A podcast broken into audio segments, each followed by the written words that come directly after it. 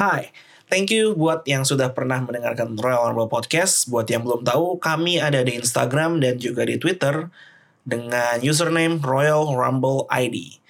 We would love to keep in touch with you, so just go and follow Royal Rumble ID.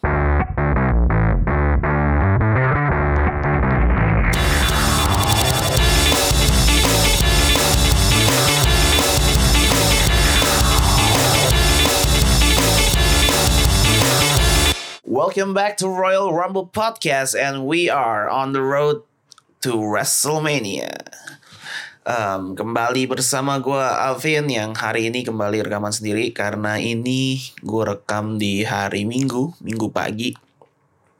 Uh, gue berkomitmen untuk sebenarnya untuk merekam podcast ini tuh setiap hari Jumat, jadi Sabtu bisa tayang. Tapi karena kemarin gue datang ke acara local stand up day di Kuningan City um, yang berlangsung selama dua hari yaitu Jumat, Jumat malam sama Sabtu malam. Um, setelah dari kantor gue langsung nonton ke local stand up day. Ya gue masuk di Jumat dan Sabtu kebetulan di weekend ini gue langsung nonton local stand up day dan kemudian gue baru sampai rumah lagi tuh sekitar jam satu pagi dan gue udah capek banget energi gue udah habis jadi gue terpaksa untuk menunda tayangnya podcast di minggu ini. Uh, semoga bisa dimengerti. Uh, tapi ada yang menarik sih dari local stand up day kemarin. Uh, nggak gue nggak bakal bahas soal stand up comedy. Um, ada salah satu penampil mungkin buat lo semua yang pernah atau suka nonton stand up mungkin tahu uh, Rahmat Ababil uh, jebolan Suci 5 aku nggak salah ya Suci 5 juara 2 Suci 5 jadi uh, para komika tuh kalau sebelum naik ke atas stage itu ada musiknya men. Udah kayak superstar WWE um, jadi mereka pilih musik sendiri kayak uh, ada yang pakai musik rock ada yang pakai musik lucu ada yang pakai hip hop ada yang macam-macam deh. Ada satu komika namanya Rahmat. Um, lu tau nggak entrance musiknya? Entrance musik siapa? Jadi pas uh, diumumin ya ini dia Rahmat Ababil. Terus musiknya main men. Teng neng neng neng neng neng neng Shinsuke Nakamura anjir. Gue langsung anjir. Sayangnya nggak boleh rekam kan di di acara itu nggak boleh rekam pakai handphone cuma boleh foto doang. Gue langsung asyik gue ingin berbagi ini. Coba nggak nggak tahu di sekeliling gue nggak ada yang nggak ada yang bereaksi. Kayak mereka nggak tahu itu musik dari mana. Um, ah sayang banget. Jadi gue nggak bisa berbagi euforia itu. Uh, sayang banget sih jadinya. Si Randy tuh uh, ya kebetulan Randy nggak ada hari ini. Si Randy tuh juga pernah ngalamin hal yang serupa sih di di pernikahan temennya. Jadi pas iring-iringan masuk tuh ada lagu Shinsuke Nakamura gitu anjir seru banget. Oke okay, kembali ke topik WWE um, minggu ini kita disuguhi oleh berbagai macam hal. Salah satunya adalah akhirnya kita tahu apa sih yang sebenarnya diinginkan Batista di Monday Night Raw kemarin sampai dia segitu passionate-nya uh, minta itu ke Triple H. Ya, apa yang diinginkan Batista menjadi kenyataan karena James Gunn berhasil kembali ke kursinya sebagai director dari Guardians of Galaxy. Luar biasa. Ternyata itu yang Batista inginkan. Give me what I want. Batista udah udah menyerukan hal itu agar James Gunn kembali ke kursi yang seharusnya itu udah, udah lama banget. Dan nggak itu bercanda. Itu ini timingnya lagi lagi kebetulan aja. Um, ya Batista mendapatkan hal yang dia inginkan. Uh, bukan James Gunn tentu saja. Itu di luar WWE di WWE juga mendapatkan hal yang dia inginkan yaitu pertandingan melawan mentornya Triple H di WrestleMania dalam pertandingan terakhirnya sebagai seorang wrestling superstar sebelum dia benar-benar tidak akan kembali menginjakkan kaki di ring. Um, build up menuju pertandingan ini begitu berapi-api. Kita bisa ngeliat dari kedua orang ini mereka memainkan tensinya sangat bagus, luar biasa promo yang diberikan di Monday Night Monday Night Raw kemarin juga Batista uh, cukup passionate um, dia juga tetap dalam perannya sebagai heel yang yang agak apa ya uh, licik bukan licik lebih ke cunning what what is cunning in in in, in Indonesia? Iya seperti itu. Dan dia tetap tidak mau menemui Triple H man to man eye to eye. Dia tetap menjaga jarak uh, karena dia ditemani oleh yang Triple H bilang guardian of independent scene ditemani oleh ber- uh, banyak sekali pasukannya kayak kayak security gitu um, lu perhatiin deh yang di security security security itu biasanya itu ini anak-anak WWE Performance Center gitu yang yang someday in the future mereka bakal bakal nongol di NXT atau di main roster sebagai superstar gitu. Which one of them will will go up first? Kayak menarik. Gue kemarin ngeliatin fotonya tuh yang security securitynya Batista kayak mana nih kira-kira yang bakal naik duluan. Uh, Oke, anyway, um, Batista um, versus Triple H um, gue nggak memungkiri bahwa ini akan menjadi pertandingan yang cukup panas, pertandingan yang hot. Um, tapi kita harus ingat bahwa kedua orang ini sudah tidak muda lagi. Batista juga sudah lama tidak beraksi di ring WWE. Um, ada kehawa ada sedikit kekhawatiran di dalam diri gue bahwa pertandingan ini kualitasnya uh, the actual wrestling tidak akan sebagus hype yang diberikan ketika promo. Itu ada kekhawatiran uh, dalam diri gue. Mungkin kalau match ini diadakan 10 tahun lalu gue nggak akan memiliki kekhawatiran ini. Tapi ya, semoga ini nggak menjadi kenyataan. Untuk promonya sendiri, overall is good in my opinion. Overall good. Tapi ada beberapa hal tetap yang kayaknya apa sih sebenarnya Batista yang Batista inginkan kok kayaknya Triple H nggak mau ngasih segitunya in the end dia cuma ingin match di WrestleMania yang come on gitu kayak kayaknya uh, apa yang lu bikin lo emosi itu kayak yang give me what I want, what you want, what you actually want tuh nggak nggak sampai segitunya. Kayak lu minta biasa juga kayak bakal dikasih sama Triple H gitu. Ini kayak uh, they are making such a big deal of nothing gitu.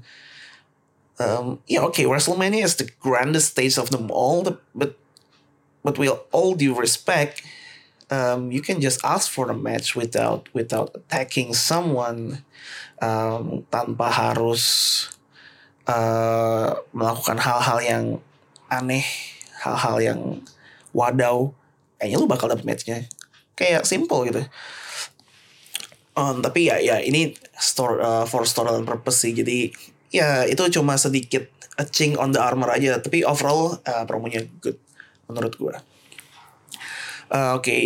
uh, Batista versus Triple H. Kemudian kita akan beralih ke farewell party, bukan farewell party, um, farewell momentnya The Shield, yang sebenarnya membuka Monday Night Raw minggu lalu, di mana The Hounds of Justice masuk ke ring dengan menggunakan oh bukan bukan baju SWAT menggunakan kaos biasalah kaos kaos WWE itu Hounds of Justice, tapi mereka memasuki ring dari tribun samping untuk terakhir kalinya. Seharusnya untuk terakhir kalinya karena setelah itu The Shield tidak akan beroperasi lagi sebagai sebuah faction. Kemudian um, Roman Reigns did the talking. Well, you have Dean Ambrose, you have Seth Rollins, but Roman Reigns did the talking here. Uh, Oke, okay. dia bilang bahwa oke, okay, setelah ini ini adalah ini adalah farewell kita. Uh, thank you untuk kedua orang ini gue gue minta pertolongan mereka. I asked them for a favor and they didn't let me down. They never let me down. Oh seriously Roman? Seth Rollins backstab you once then Ambrose did once but okay anyway. Um, Roman Reigns bilang bahwa setelah ini The Shield will go their own way to WrestleMania. Uh, mereka akan menapak jalan mereka masing-masing untuk menuju WrestleMania. Um, kata Roman, gue udah lama nggak bertanding singles di ring ini dan kayaknya hari ini adalah hari yang tepat untuk gue single match lagi. Saat dia ngomong itu dia belum tahu lawan dia siapa, but it turned out to be Baron Corbin. Kemudian dia bilang, Dean Ambrose juga, oke, okay, kita nggak bisa tebak Ambrose, he's a lunatic, tapi dia punya unfinished business with someone, jadi dia akan menyelesaikan itu juga hari ini. Tapi kemudian Roman bilang, the guy with a real business is Seth Rollins. Orang yang punya spotlight adalah Seth Rollins, di mana dia akan menghadapi The Beast Incarnate, Brock Lesnar di WrestleMania. Um, kemudian mereka memberikan spotlight tersebut kepada Seth, memberikan dukungan kepada Seth, dan kemudian Roman and Dean um, pergi ke backstage. Uh, kemudian mic-nya diberikan kepada Rollins untuk ya yeah, the spotlight is yours. Um, mungkin masih ingat uh, yang dengerin podcast gue episode yang lalu uh, di review Fastlane bahwa gue bilang gue punya analisis yang gue nggak tahu itu over analytic atau atau gue aja atau nggak disengaja sebenarnya tapi gue bilang bahwa kalau itu disengaja pose fist bump shield di akhir Fastlane Seth Rollins yang di tengah bukan Roman Reigns gue bilang waktu itu kalau itu disengaja mungkin itu adalah pertanda bahwa oke okay, the spotlight dari kita bertiga sekarang kita arahkan ke lu karena lu akan menjalani perhaps the biggest match of your career dan itu terbukti di Monday Night Raw minggu ini di mana ya mereka memberikan spotlight kepada Seth. Sayangnya spotlight yang diberikan kepada Seth di Monday Night Raw minggu lalu tidak bertahan lama karena belum sempat Seth ngomong banyak sudah dipotong oleh ladies and gentlemen. I am the advocate of bla bla bla bla Paul Heyman. Um, dipotong oleh Paul Heyman seperti biasa mereka bertukar bertukar bacot lah ya mereka cut promo dan to be honest gue cukup suka promonya uh, always a always a pressure always a pleasure to see Seth Rollins do a promo. Menurut gue Seth Rollins salah satu orang yang memiliki mic skill yang cukup bagus di WWE saat ini. Um, seru sih promonya seru. Uh, yang belum nonton tonton deh kayak uh, Seth Rollins angkat dulu Brock Lesnar-nya terus kemudian dibanting ke bawah. Uh, not not literally ya itu uh, ungkapan aja jadi ditinggi tinggiin dulu terus kemudian di di dibanting lagi. Um, anyway um, kemudian Seth Rollins diserang dari belakang oleh tiga kali German suplex. Yang sayangnya bukan suplex City bukan Brock Lesnar tapi Shelton Benjamin. Why? Kenapa Shelton Benjamin?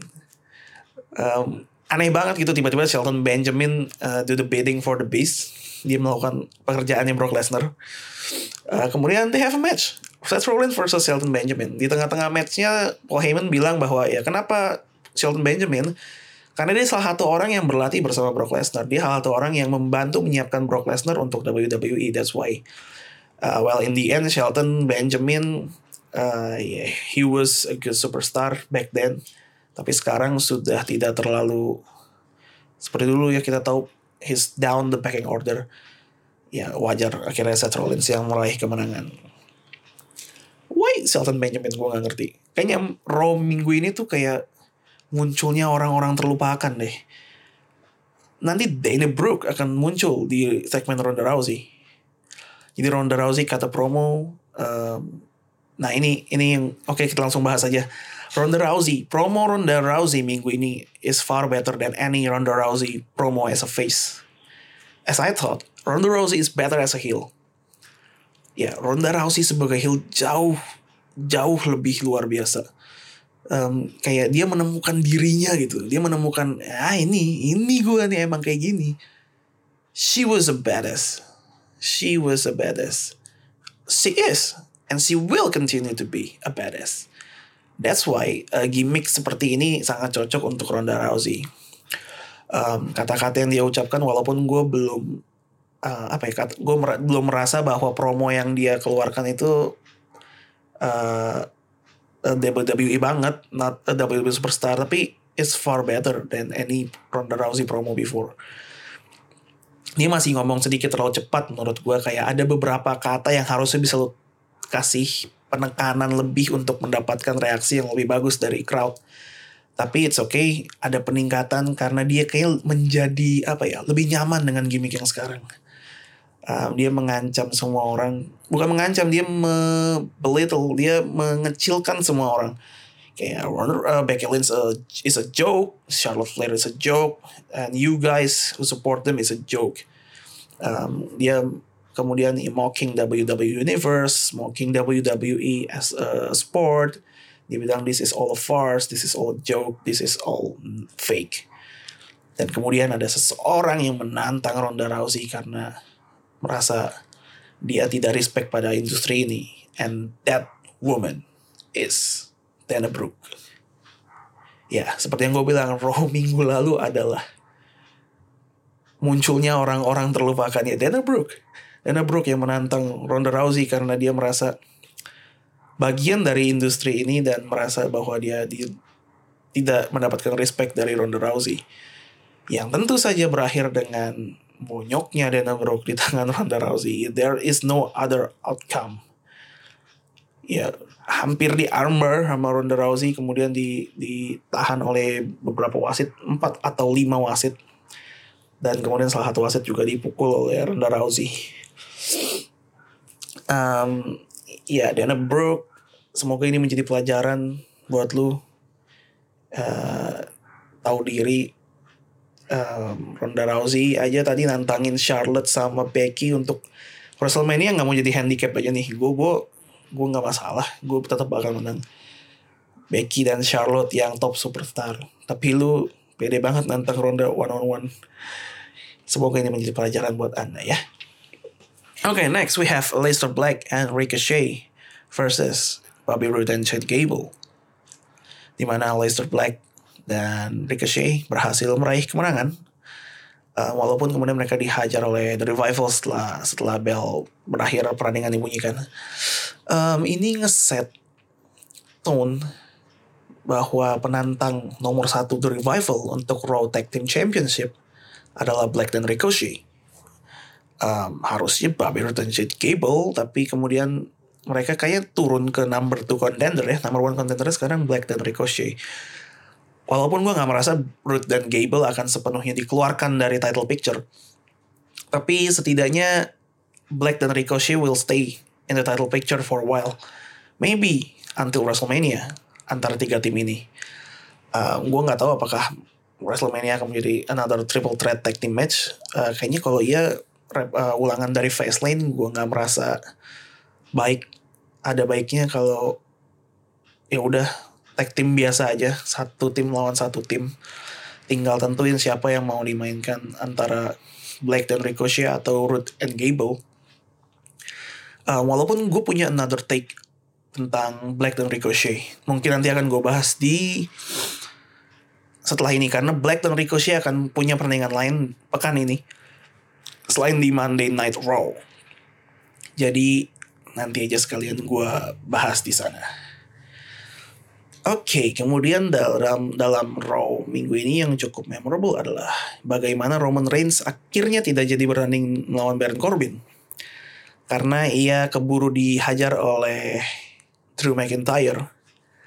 Um, Drew McIntyre berhasil walaupun dengan serangan fajar ya sebelum Romannya siap. Drew McIntyre berhasil menghajar Roman Reigns sampai tidak berdaya.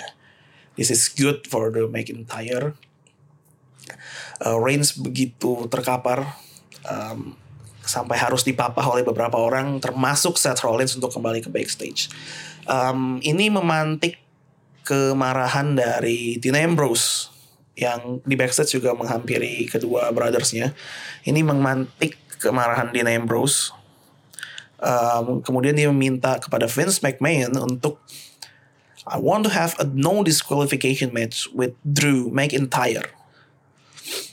Uh, Oke, okay. dan sorry bukan Vince McMahon, Triple H. Dia minta kepada Triple H. Dan dikabulkan oleh Triple H. Triple H minggu ini begitu dermawan. Dia mengabulkan keinginan semua orang. Batista want a match? You got it. Dean Ambrose want a match? You got it. Everyone got it. Ya, yeah. Triple H is like Oprah Winfrey in this week. Dan ya, begitulah Dean Ambrose mendapatkan match di Qualification matchnya melawan Drew McIntyre yang berakhir dengan kekalahan Dean Ambrose um, walaupun kekalahannya Ambrose um, apa ya kekalahannya Ambrose tidak pure, tidak clean. Ada kecurangan dari Drew McIntyre, tapi karena ini no disqualification match and falls anywhere juga, ya itu sah-sah aja. Um, Drew McIntyre sempat nyolok matanya Ambrose, sempat kick him in the ball juga. Kalau gue nggak salah ingat, sebelum menghantamkan Claymore kick kepada Ambrose untuk meraih kemenangan.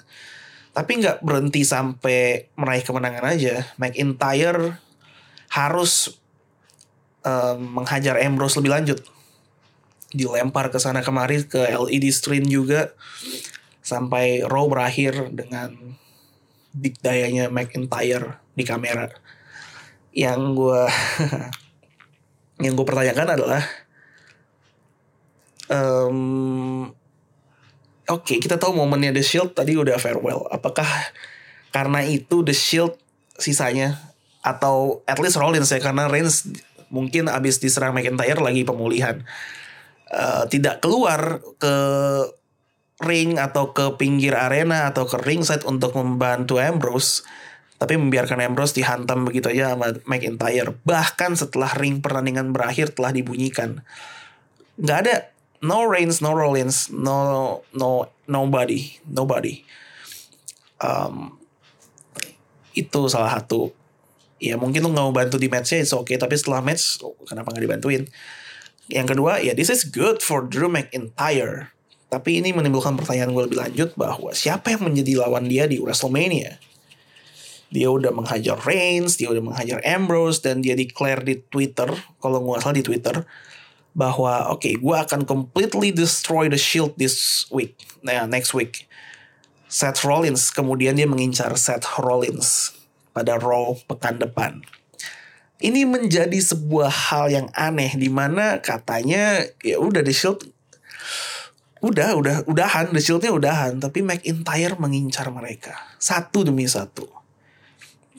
Obviously dia nggak akan melawan Seth Rollins di WrestleMania. Um, perhaps either Ambrose or Reigns. Um, tapi ini merupakan langkah yang konyol menurut gue uh, oke okay, lu mengincar the shield satu demi satu satu demi satu. Ya in the end mereka bertiga akan hajar lu sih. Walaupun gak barengan tapi satu demi satu. Ini langkah yang bodoh aja menurut gue dari McIntyre storyline wise tapi dari segi realnya ini merupakan hal yang bagus banget. McIntyre dinaikin namanya. Uh, gue cuma berharap uh, McIntyre tidak akan terlalu mengganggu Rollins dalam menghadapi Lesnar ya. Dia incer Rollins minggu depan ya fine fine aja menurut gue asal nggak mengganggu eh, nggak uh, mengganggu promonya Rollins dan Brock Lesnar karena kabarnya Brock Lesnar akan muncul di Raw minggu depan. Ya itu semoga sih itu um, oke okay, Monday Night Raw uh, kayaknya yang menarik itu aja di, di Raw ada lagi ya Alexa Bliss is a host of WrestleMania jadi host WrestleMania tahun ini adalah Alexa Bliss. Ya udah itu aja. Oh sorry, gue lupa bahas satu hal yang penting, yaitu we have a new Intercontinental Champion, Bobby Lashley. Damn, damn, gue saking malesnya bah, uh, saking malesnya pas gue tahu, waduh, sampai sampai lupa, hampir lupa gue bahas. Ya Finn Balor kehilangan Intercontinental title-nya tiga minggu setelah dia mendapatkannya dari uh, literally bukan Bobby Leslie yang diapin Leo Rush tapi dia merebutnya dari Bobby Leslie. Tiga minggu setelah mendapatkannya dilepas kembali ke Leslie. Uh, what's the point of giving him the title in the first place? Um, gue paham kalau title sekarang diperbutkan oleh banyak sekali superstar WWE punya talent yang begitu luar biasa tapi tiga minggu untuk karakter seperti Finn Balor, salah satu top superstar di Raw saat ini, terlalu singkat. Dan dan Finn Balor membutuhkan waktu yang cukup panjang memegang title untuk menunjukkan dirinya sebagai superstar yang sangat kredibel. Um, inter uh, Universal Champion dia pegang hanya uh, satu hari sebelum kemudian harus dilepaskan karena cedera. Intercontinental title tiga minggu dilepas. Uh, Finn Balor membutuhkan masa sebagai juara yang cukup panjang menurut gue uh, at least tiga bulan 6 bulan kalau perlu uh, untuk membangun kredibilitas dia sebagai top superstar. Finn Balor punya semua modal untuk menjadi top superstar. His gimmick Demon King gue suka banget salah satu gimmick terbaik di WWE menurut gue dan kemungkinan gimmick itu yang akan muncul di WrestleMania saat dia menghadapi kembali Bobby Leslie. Walaupun prediksi gue kalau match ini diadakan adalah Finn Balor kembali menjadi Intercontinental Championship, tapi buat apa jadinya? Tiga bulan, tiga minggu ganti, tiga minggu ganti. Ya semoga aja nanti setelah Balor mendapatkan kembali Intercontinental Championship-nya, yang gue pikir akan terjadi, dia diberikan kesempatan sebagai juara untuk waktu yang lama. Um, gue harap itu yang terjadi, walaupun gue khawatir juga nanti. Ya, WWE punya banyak sekali talent.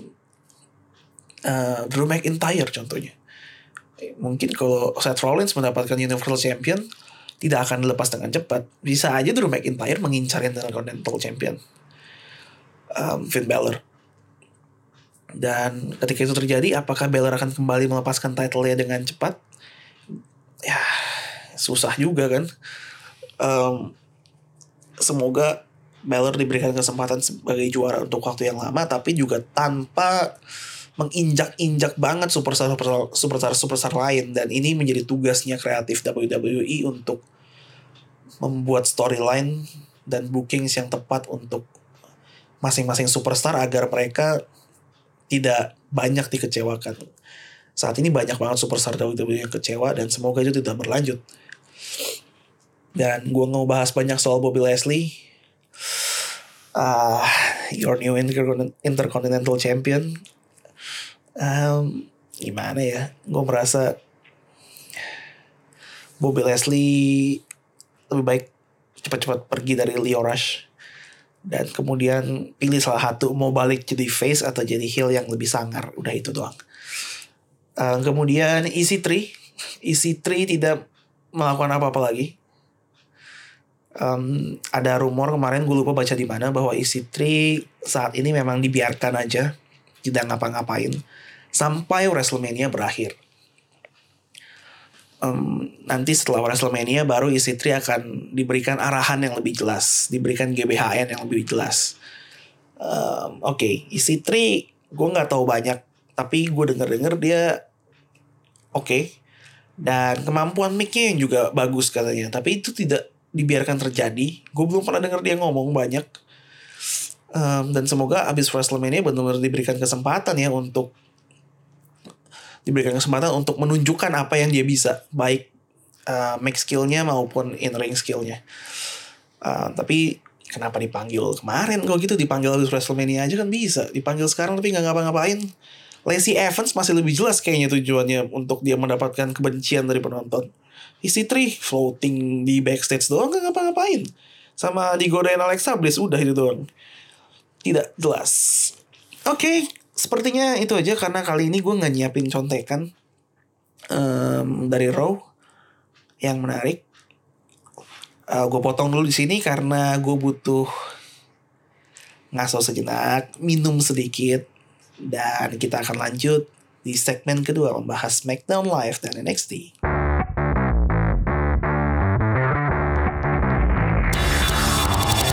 Ada masalah audio dari uh, rekaman gue jadi kalau di segmen Raw tadi gue bilang gue rekaman pagi, kali ini di segmen SmackDown sebagian rekamannya terpaksa gue retake um, saat ini jam 12 malam ya.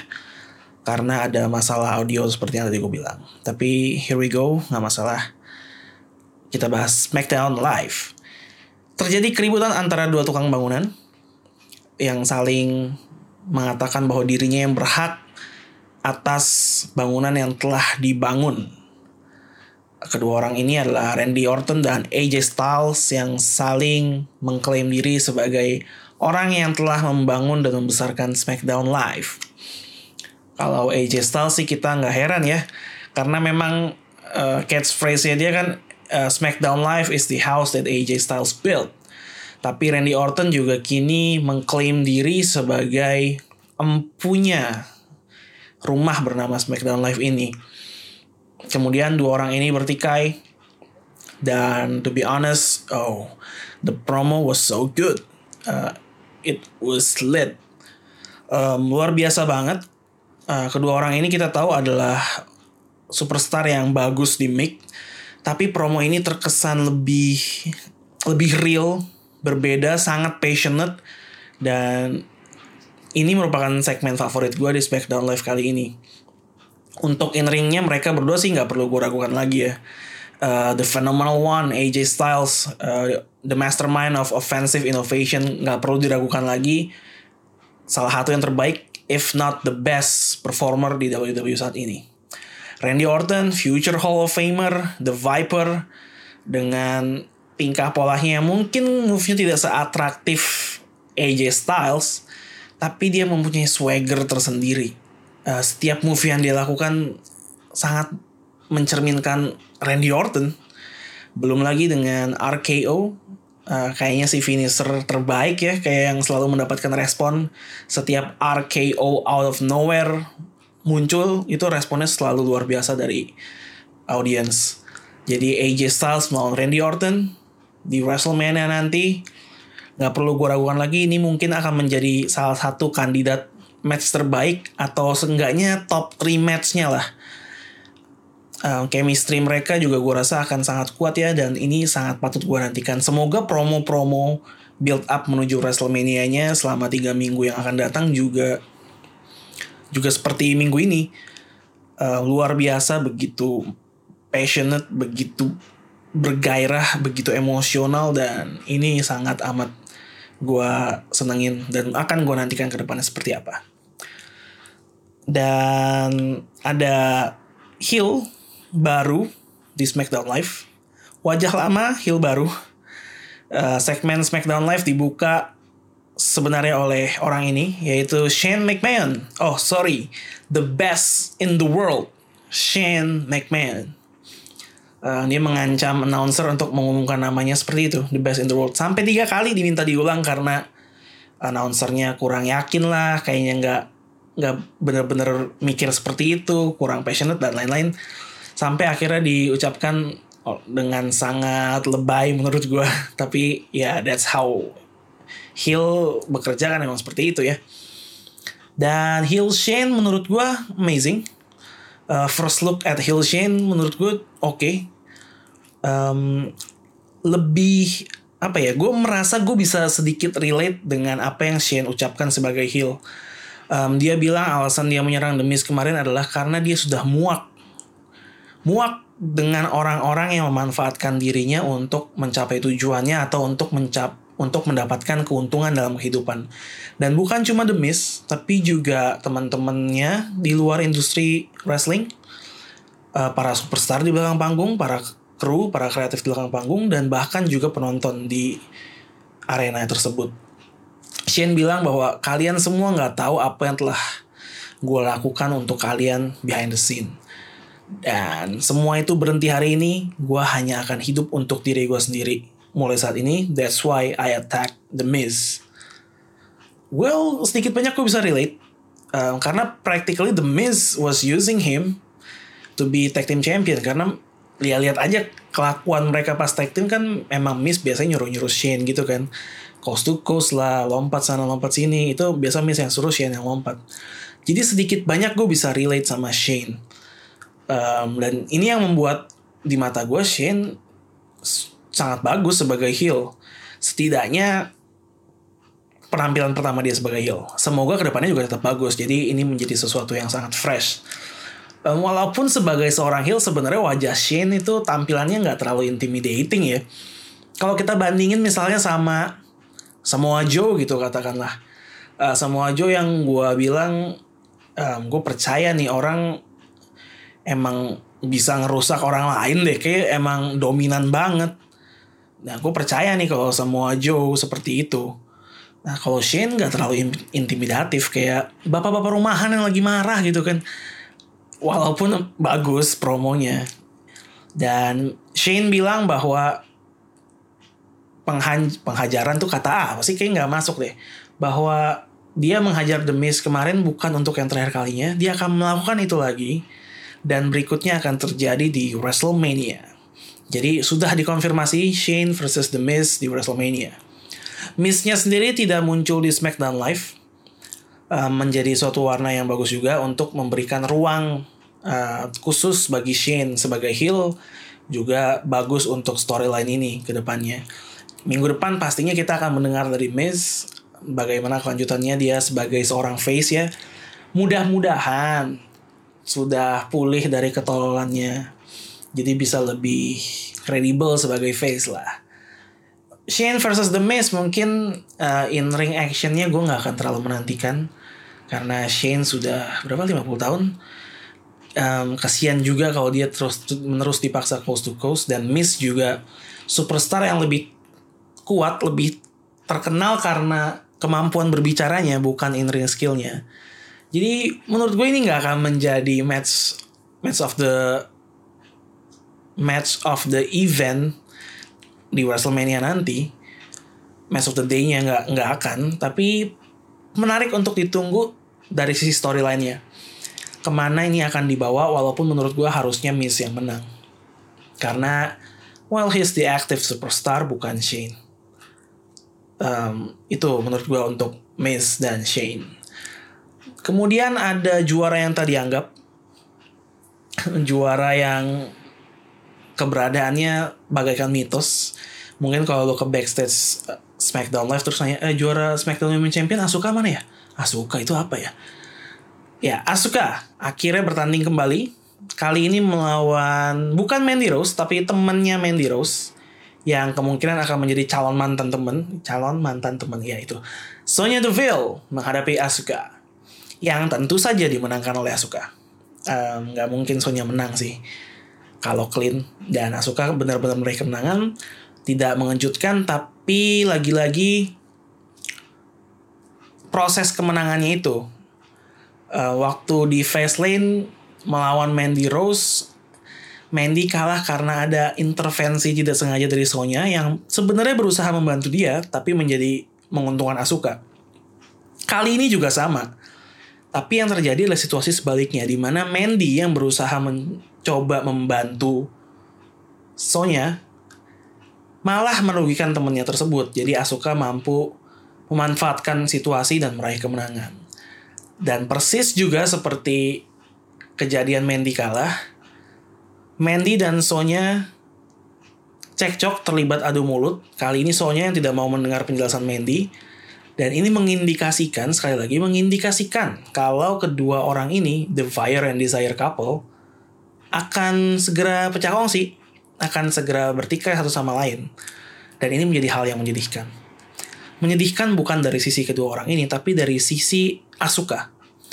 Di mana seorang juara, SmackDown Women's Champion, dijadikan pion dalam konflik orang lain dijadikan pion dalam konflik superstar yang bahkan tidak terhitung top superstar di divisi womennya SmackDown saat ini.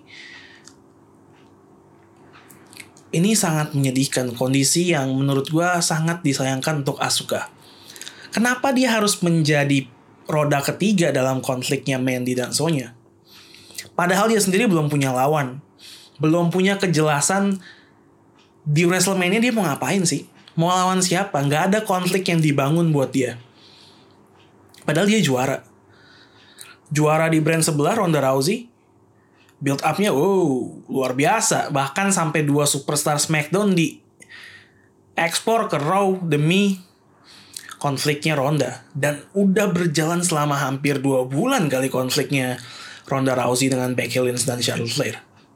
Sedangkan Asuka sama sekali belum ada. Kecurigaan gue nanti di WrestleMania dia akan menjalani multi women title match. Either fatal four way atau bahkan six man elimination title match. Bisa jadi tanpa build up apa pun ya udah masukin aja superstar superstar lah yang penting Asuka ada matchnya nih yang penting title SmackDown Women Championship dipertahankan tanpa ada actual build up ke match tersebut dan ini merupakan kondisi yang sekali lagi sangat gue sayangkan untuk Asuka karena she is far too good to be in a limbo like this. Jadi sangat gue sayangkan aja. Ya semoga ada ada segera ada planning yang jelas. Kalau mau ada multi women title match pun ya udahlah. Walaupun gue nggak prefer tapi ya udahlah. Tapi tolong diberikan kejelasan diberikan build up setidaknya selama tiga minggu ini. Waktu tinggal tiga minggu berikan itu untuk Asuka. Kalau Sonya dan Mandy mau segera pecah silakan pecah tapi jangan libatkan Asuka sebagai pion sebagai pemain kecil dalam konflik orang lain. Dia jauh lebih baik dibandingkan itu. Um, dan ya ini aja bagian yang bermasalah dalam rekaman gue tadi. Kita selanjutnya mendengarkan rekaman tadi pagi. Seperti yang gue bilang, Leicester Black dan Ricochet punya match lain di SmackDown Live kali ini. Di dalam 8-man tag team match luar biasa 4 lawan 4 di mana Leicester Black berpasangan dengan The Hardy Boys menghadapi Rusev dan Shinsuke Nakamura dan The Bar. Pertandingan ini berakhir dengan no contest karena The New Day datang dan menggagalkan pertandingan ini. Sebelum uh, The Usos melakukan promo dari backstage bahwa kelima tim yang ada di ring sekarang belum siap untuk menghadapi mereka sebagai juara. Dan there you go, ada 6 tag team di SmackDown Live. Walaupun satu ya Black dan Ricochet. Ah kayaknya ada di semua brand tapi ini membuktikan bahwa divisi tag teamnya SmackDown Live itu penuh banget. Penuh banget dengan tim-tim yang bagus. Beda sama Raw. Bobby Roode dan Chad Gable menurut gue bukan tim papan atas. Tag bukan tag tim papan atas tapi mereka ada di, di title picture-nya Raw Sementara di SmackDown ada 6 tim. Ada 6 tim yang sama-sama top. Eh, Rusev Nakamura gue gak yakin. Tapi ya 5 kalau gitu kita hitung. Kita punya juaranya The Usos yang menurut gue adalah tag team terbaik saat ini di WWE. Kita punya The New Day, the longest reigning tag team champ. Kita punya The Bar. Kita punya The Hardy Boys, The Legend yang tag team yang sangat berpengalaman, tag team legendaris The Hardy Boys. Dan kita punya the up and coming Ricochet and Aleister Black. Dan Rusev dan Nakamura gue include aja lah ya, kasihan ditinggal. Kita punya 6 tag team dan apakah ini akan menjadi pertanda bahwa akan ada kerusuhan di WrestleMania nanti melibatkan para tag team SmackDown ini? Bisa jadi atau mungkin cuma menuju ke sana kali ya sepanjang SmackDown Live pekan-pekan depan kayak tim-tim ini akan terlibat persaingan untuk memperebutkan posisi number one contender. Kayaknya sih seperti itu. Karena rumornya di WrestleMania The Usos akan menghadapi The Hardy Boys katanya. Walaupun gue punya teori konspirasi lain nanti gue bahas di akhir segmen ini mengenai SmackDown Tag Team Championship uh, seperti itu. Dan kenapa yang dan kenapa sebenarnya gue prediksi The Usos tadinya pindah ke Raw dalam Superstar Shake Up abis WrestleMania. Masih bisa kemungkinan sih sebenarnya kalau mereka kehilangan titlenya kemudian mereka di draft ke Raw. Karena Raw butuh tag team papan atas. Gue selalu bilang The Revival merupakan satu-satunya tag team papan atas yang ada di Raw saat ini. AOP cedera ya kalau nggak salah. Kayak lagi absen nggak pernah muncul lagi um, Black dan Ricochet seperti yang gue bilang ada di tiga brand. Gak bisa dibilang eksklusif punya Raw. Bobby Roode and Chad Gable someday mereka akan pecah. Itu pasti. B Team The Ascension Heavy Machinery kemudian Kurt Hawkins sama Zack Ryder. Apakah mereka tag team papan atas? Menurut gue enggak. Praktis cuma The Revival. Dan mereka butuh dua lah dari SmackDown. Uh, atau mungkin satu dari SmackDown satu lagi naik dari NXT bisa. Yang penting mereka butuh penantang. Itu. Um, situasinya Raw Tag Team Championship The Revival dan SmackDown Tag Team Championship nanti akan berkaitan menurut versi gue nanti gue bahas di akhir segmen seperti yang gue bilang.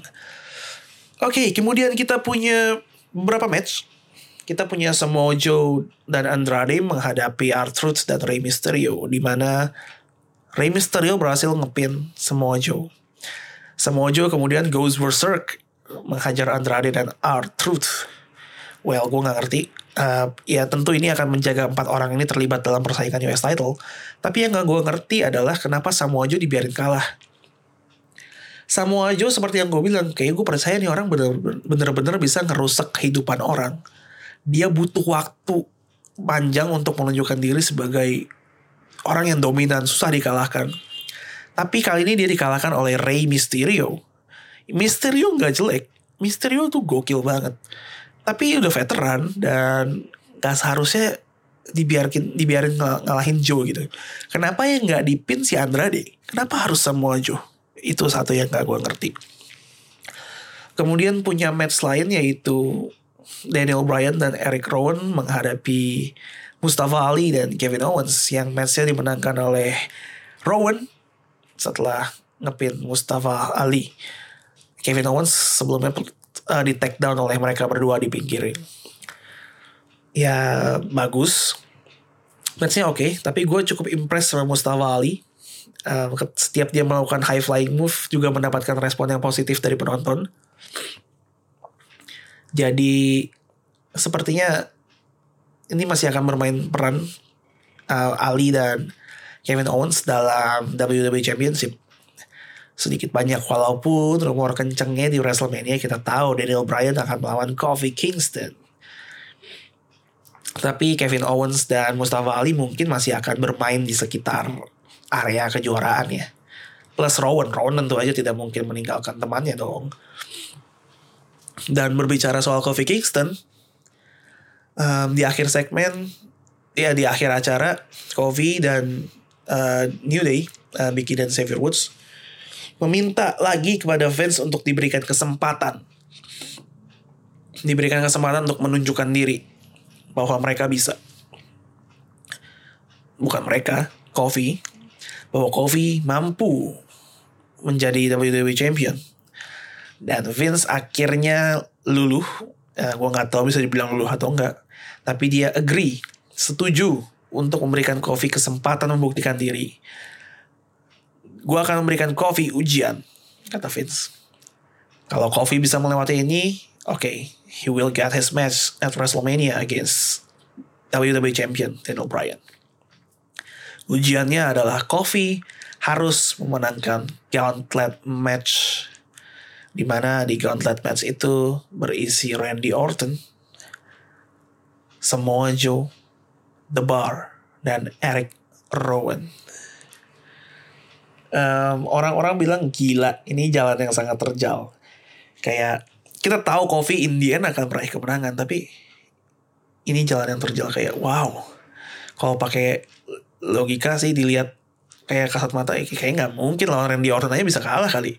Walaupun dulu pernah ada match menang Kofi sih uh, tapi kita harus ingat orang-orang yang ada di dalam gauntlet match itu masing-masing punya konflik loh. Masing-masing punya konflik sendiri di luar Kofi Kingston. Randy Orton punya konflik sama AJ Styles menuju WrestleMania. Semua aja konfliknya bahkan sama tiga orang. Di mana dua orang di dalamnya Andrade dan Arthur dia habisi setelah match di SmackDown yang sama. The Bar punya konflik sama lima tag team. Kemudian Eric Rowan punya konflik sama Kevin Owens atau Mustafa Ali. Jadi kita harus ingat itu mungkin bisa menjadi faktor. Mungkin orang-orang yang punya konflik ini akan gangguin dan secara tidak langsung menolong Kofi. Who knows? Bisa jadi. Dan menurut gue kemungkinannya besar. Sehingga itu dalam tanda kutip memudahkan langkah Kofi memenangkan gauntlet match ini. Tapi sekaligus juga bisa menimbulkan efek lain yang yang mana Vince bilang lu mendapatkan bantuan ini lu gak berhasil lewatin ujian yang gue maksud nggak clean lu lewatinnya jadi ini akan menjadi sangat menarik dan itu sih yang mau gue sampaikan oleh gue merasa bahwa kayaknya di gauntlet match ini Kofi akan mendapatkan dalam tanda kutip bantuan-bantuan yang tidak langsung dari orang-orang yang berkonflik sama lawan-lawannya di gauntlet match itu menurut gue dan kalau gue bener tolong tolong di dimension lu pertama kali mendengar teori ini di Royal Rumble Podcast. Tolong, oke? Kemudian di NXT, NXT gue mau bahas dua hal aja. Yang pertama adalah ya Gargano dan Champa. Di mana di NXT kemarin yang ditayangkan adalah mereka kalah dari Black dan Ricochet. Kemudian Champa bermaksud untuk mengulang kejadian dua tahun lalu yang masalah di mana dia menghajar Gargano, melemparnya ke LED screen, tapi ternyata Gargano cederanya cuma pura-pura dan dia yang melempar Champa.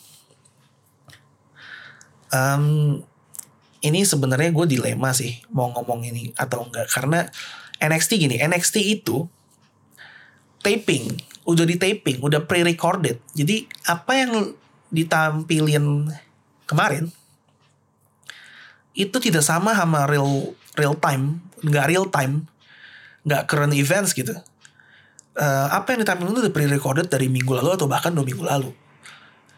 Dan kita sama-sama tahu this might be a spoiler, tapi orangnya sendiri udah ngomong, kayak udah semua pengumuman udah keluar. Tomaso, uh, sorry sekali lagi buat lo yang nggak suka spoiler, uh, mending skip bagian ini. Tommaso Ciampa, the NXT Champion, mengalami cedera sehingga harus relinquish his title. Dia tidak akan bertanding di NXT Takeover. Dia harus melepaskan gelar juaranya. Dan itu juga dia udah umumin di sosial medianya. Jadi gue nggak tahu apakah ini bisa dibilang spoiler atau enggak, tapi itu yang terjadi. Dan karena NXT nggak real time di tayangan NXT kemarin belum mencapai tahap itu, belum sampai ke sana. Beda sama Raw dan SmackDown ya. Itu real time. Apa yang terjadi di dunia nyata di sosmed itu yang ditampilkan minggu ini memang gitu. Jadi nggak nggak pre-recorded. Ya itu ending spoilernya. Jadi seperti itu. Um, Gargano uh, gue sangat menikmati Johnny Gargano. Kita lihat aja siapa yang akan menjadi lawan dia nanti. Oke? Okay? kemudian yang ingin gue bahas lagi di NXT adalah ya itu Aleister Black dan Ricochet. Di mana mereka berhasil melaju ke final Dusty Rhodes Tag Team Classic untuk menghadapi The Forgotten Sons. Results sudah keluar di match ini. Um, gue nggak mau spoiler tapi gue rasa kita semua punya prediksi. Um, andai yang menang Black dan Ricochet mereka akan menghadapi The War Raiders uh, NXT Tag Team Champion. Dan ini menjadi menarik karena berarti Black dan Ricochet terlibat dalam tiga tag team title picture sekaligus Raw, SmackDown, NXT di Raw jelas mereka punya konflik yang jelas sama The Revival. Di SmackDown mungkin gak secara langsung. Tapi Ricochet, uh, pas The Usos ngomong bahwa tidak ada tim yang siap untuk menghadapi mereka. Ricochet bales di Twitter juga. Bahwa mereka bahwa orang banyak yang nggak nganggap gue gini-gini tapi gue akan membuktikan diri. Ini bisa jadi indikasi bahwa mereka juga akan terlibat di title picture SmackDown. Di NXT sudah jelas mereka di Dusty Rhodes Team Classic itu dari awal bahkan sekarang sampai final dan mungkin banyak yang prediksi mereka jadi juara. Dan kalau itu yang terjadi, mereka punya title opportunity di tiga-tiganya. Um, gue sempat bilang bahwa mungkin akan dilepas salah satu. Tapi saat ini, wow, what if, what if, and it's a big if, what if Black and Ricochet menjadi tag team pertama yang memegang gelar juara Raw Tag Team, SmackDown Tag Team, dan NXT Tag Team Championships dalam waktu yang sama. Ini akan sangat mengangkat nama kedua orang ini. Di mana kedua orang ini lagi dipush gila-gilaan memang. Dan dengan melakukan itu, itu akan menjadi sebuah marketing yang luar biasa. Dan sekali lagi, it's a big if tapi gue nggak menutup kemungkinan itu. Dan bahkan uh, dan bahkan gue ada kecenderungan ke sana. Kalau lu mau melakukan sesuatu hal yang wow bang boom dengan Leicester Black dan Ricochet sebagai tag team ini bisa menjadi langkah tersebut orang pertama tag team pertama yang megang tiga gelar tag team dari brand yang berbeda secara sekaligus. Bisa bayangin gak? Itu akan menjadi suatu hal yang gokil. Dan Lester Black dan Ricochet nggak akan selamanya menjadi tag team. Itu bisa menjadi langkah yang luar biasa untuk menaikkan nama mereka berdua. Saat mereka pergi menjadi single superstar masing-masing juga, ini akan menjadi apa ya CV yang luar biasa gitu. Dan dan dan somehow gue sangat entertain ide ini. Uh, ya lu bayangin aja gak sih ini pertama kali gitu. Dan dan sekali lagi gue bilang it's a big if. Ini sangat-sangat teori gila sih. Tapi ya itu teori gue silakan silakan mau anggap ini nonsense atau apa pun tapi ya kan semua orang boleh berteori. Teori konspirasi aja gitu tapi kalau ini benar, sekali lagi tolong, tolong dimention. Lu pertama kali mendengar ini di mana di Royal Rumble Podcast. Dan gue nggak menutup kemungkinan itu sama sekali. Jadi Lester Black and Ricochet multi tag team champions. Uh, oh, sounds good. Sounds good. Um, dan dengan megang tiga gelar itu juga mungkin bisa nanti akan menjadi presiden dari pecahnya mereka ya. Karena seperti yang gue bilang mereka terlalu besar untuk dibiarkan menjadi tag team selamanya. Dan it's an exciting time to be a fan of Aleister Black and Ricochet. Watch this space. Gue merasa mereka melakukan hal yang sangat besar sampai WrestleMania nanti. Dan seperti yang gue bilang kemungkinannya adalah menjadi multi tag team champion. Itu. Um, I think that's it for today's episode Uh, sekali lagi maaf atas keterlambatan tayangnya episode ini. Maaf juga kalau suara gue mungkin terdengar berbeda karena gue pilek. Uh, kemudian karena gue recording pagi ya hari pagi hari. Mohon maaf apabila ada suara-suara yang mengganggu seperti suara motor lewat atau suara apa pun. Karena biasa gue recording malam jadi sepi gitu, tidak ada yang masuk suaranya karena gue bukan box to box ID yang punya studio recording podcast sendiri gue masih recording di kamar gue dengan mikrofon dan alat perekam seadanya. Jadi mohon maaf sekali lagi apabila ada suara-suara yang dirasa mengganggu. Um, itu aja dari Royal Rumble Podcast episode ini dan I will see you guys on the next week. Bye bye